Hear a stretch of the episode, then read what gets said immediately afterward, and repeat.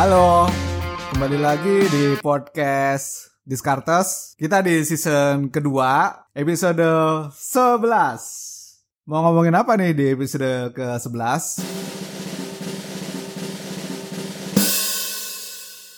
Jadi guys, gue akan ngomong soal romansa. Temanya adalah, apakah mahal biaya LDM atau long distance marriage? Mahal nggak sih? Buat teman-teman yang baru join ke podcast gua, podcast Diskartes tentang keuangan, investasi, ekonomi, dan bisnis. Dan di season kedua gua akan challenge serta kulik ide-ide kalian, ide dari buku orang, ataupun dari berita di sekeliling. Tentu akan gua tambahkan dengan ide dari gua sendiri. Balik lagi ke perkara tema kali ini. Kenapa gua angkat tema LDM? Atau buat kalian yang belum menikah, LDR ini sorry ya buat yang jomblo gue nggak bahas kalian. Gue akan bahas yang sedang berkeluarga atau memiliki hubungan. Seorang expert namanya Dr. Guldner bilang gini, People travel for their work, they commute farther, they generally travel more than we did just a few decades ago. All of these things make it more likely that they'll fall for someone who doesn't live nearby says Dr. Gutner. Jadi intinya adalah society yang makin berkembang ternyata justru mendukung terjadinya long distance entah itu marriage, entah itu relationship. Sebenarnya guys, ketika gue mempelajari ini, mempelajari LDM ini muncul karena banyak sebab. Salah satunya adalah karena pekerjaan. Bisa karena masing-masing punya dream jobnya sendiri, atau bisa karena kebutuhan masih banyak dan belum pede melepas pekerjaannya untuk ikut salah satunya atau alasan lain. Misalnya kalian punya alasan lain, silakan kasih tahu gue, entah by DM atau apa pun itu, coba kasih tahu apa alasan lain yang mendasari kalian melakukan LDM.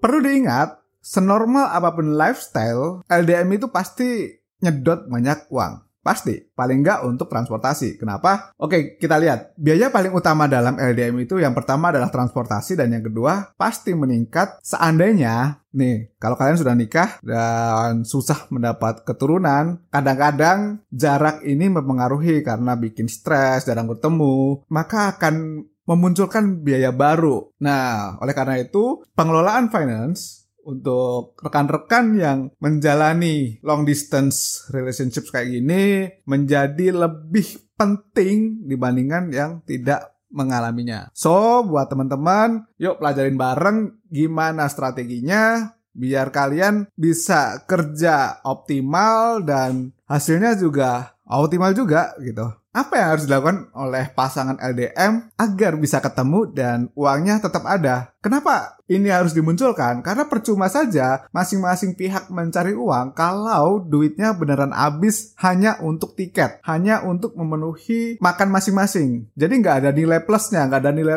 lebihnya. Itu harus disiasati. Karena sebenarnya kebuang nih waktu yang seharusnya bisa digunakan untuk berkumpul bareng keluarga. Ini jadi isu kan? Gua tahu beberapa temen gue mengalami masa yang berat karena dia berpisah jauh ya mau nggak mau kangen pasti. Orang sudah berpasangan harus dipisahkan antar pulau. Kebayang terus pasangannya. Kan kasihan seandainya sudah kayak gitu tetapi income-nya hanya bisa untuk membayar transportasi hanya untuk bisa bayar pesawat. So kita harus berpikir lebih maju ya, lebih radikal dikit deh. Jadi biar meskipun LDM ada income lebih ya nanti ketika di titik tertentu bisa untuk bersatu lagi. Jadi keuangannya sudah sehat dan aman. Tapi sebelumnya gue apresiasi ke para pejuang LDM nih. Gue sangat apresiasi usaha kalian dalam menjaga keutuhan rumah tangga. Gue apresiasi usaha kalian dalam mencari nafkah. Mudah-mudahan aman terus menerus, bahagia sampai maut gitu ya.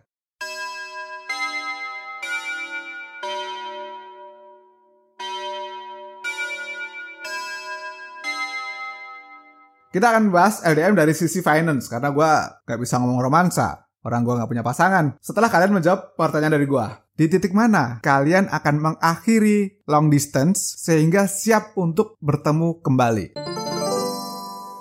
Coba kalian pikirin baik-baik jawabannya karena akan menentukan strategi kalian dalam mengatasi masalah ini kelak. Ingat, strategi masing-masing pasangan itu bisa beda-beda. Si pasangan LDM A, pasangan LDM B, C, dan seterusnya pasti punya strategi yang beda karena akan sangat tergantung dari conditional setiap pasangan. Tapi secara umum gue bisa bilang beberapa hal sebagai berikut. Yang pertama adalah persiapan untuk dana transportasi.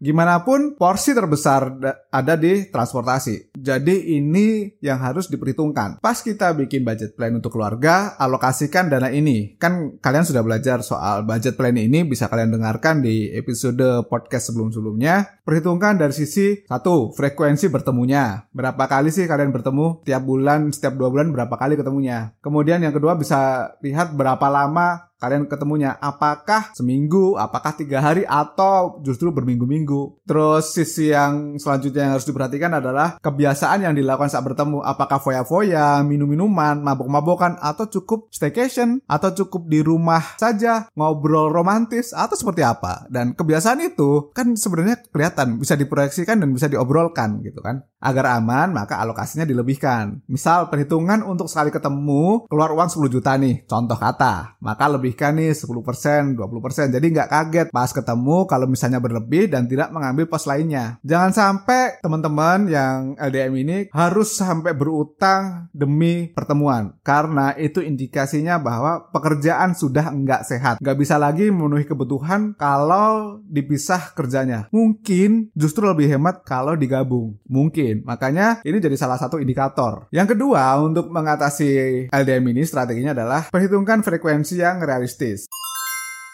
Kenapa gue angkat ini? Jadi ada satu kasus yang gue terima pas kita bikin akademi, pra akademinya di New Skill. Satu kasus ya, gue ceritain. Nama samarannya Mr. D. Wow, Mr. D. Halo, salam Kakanda. Saya pria, sudah berkeluarga namun hidup terpisah dengan istri karena tuntutan pekerjaan. Saya tinggal di Makassar, sedangkan istri tinggal di Jakarta, berdua PNS. Penghasilan total kami 18 juta rupiah dengan pengeluaran 15 juta per bulan. Kadang penghasilan habis tanpa bisa menabung atau invest. Tak jarang kartu kredit ter terpakai untuk memenuhi kebutuhan. Kenapa? Karena kami harus beli tiket pesawat untuk bertemu setiap bulannya. Mohon sarannya Kakanda, bagaimana cara menghitung cash flow dengan kondisi saya yang LDM dengan istri? Terima kasih.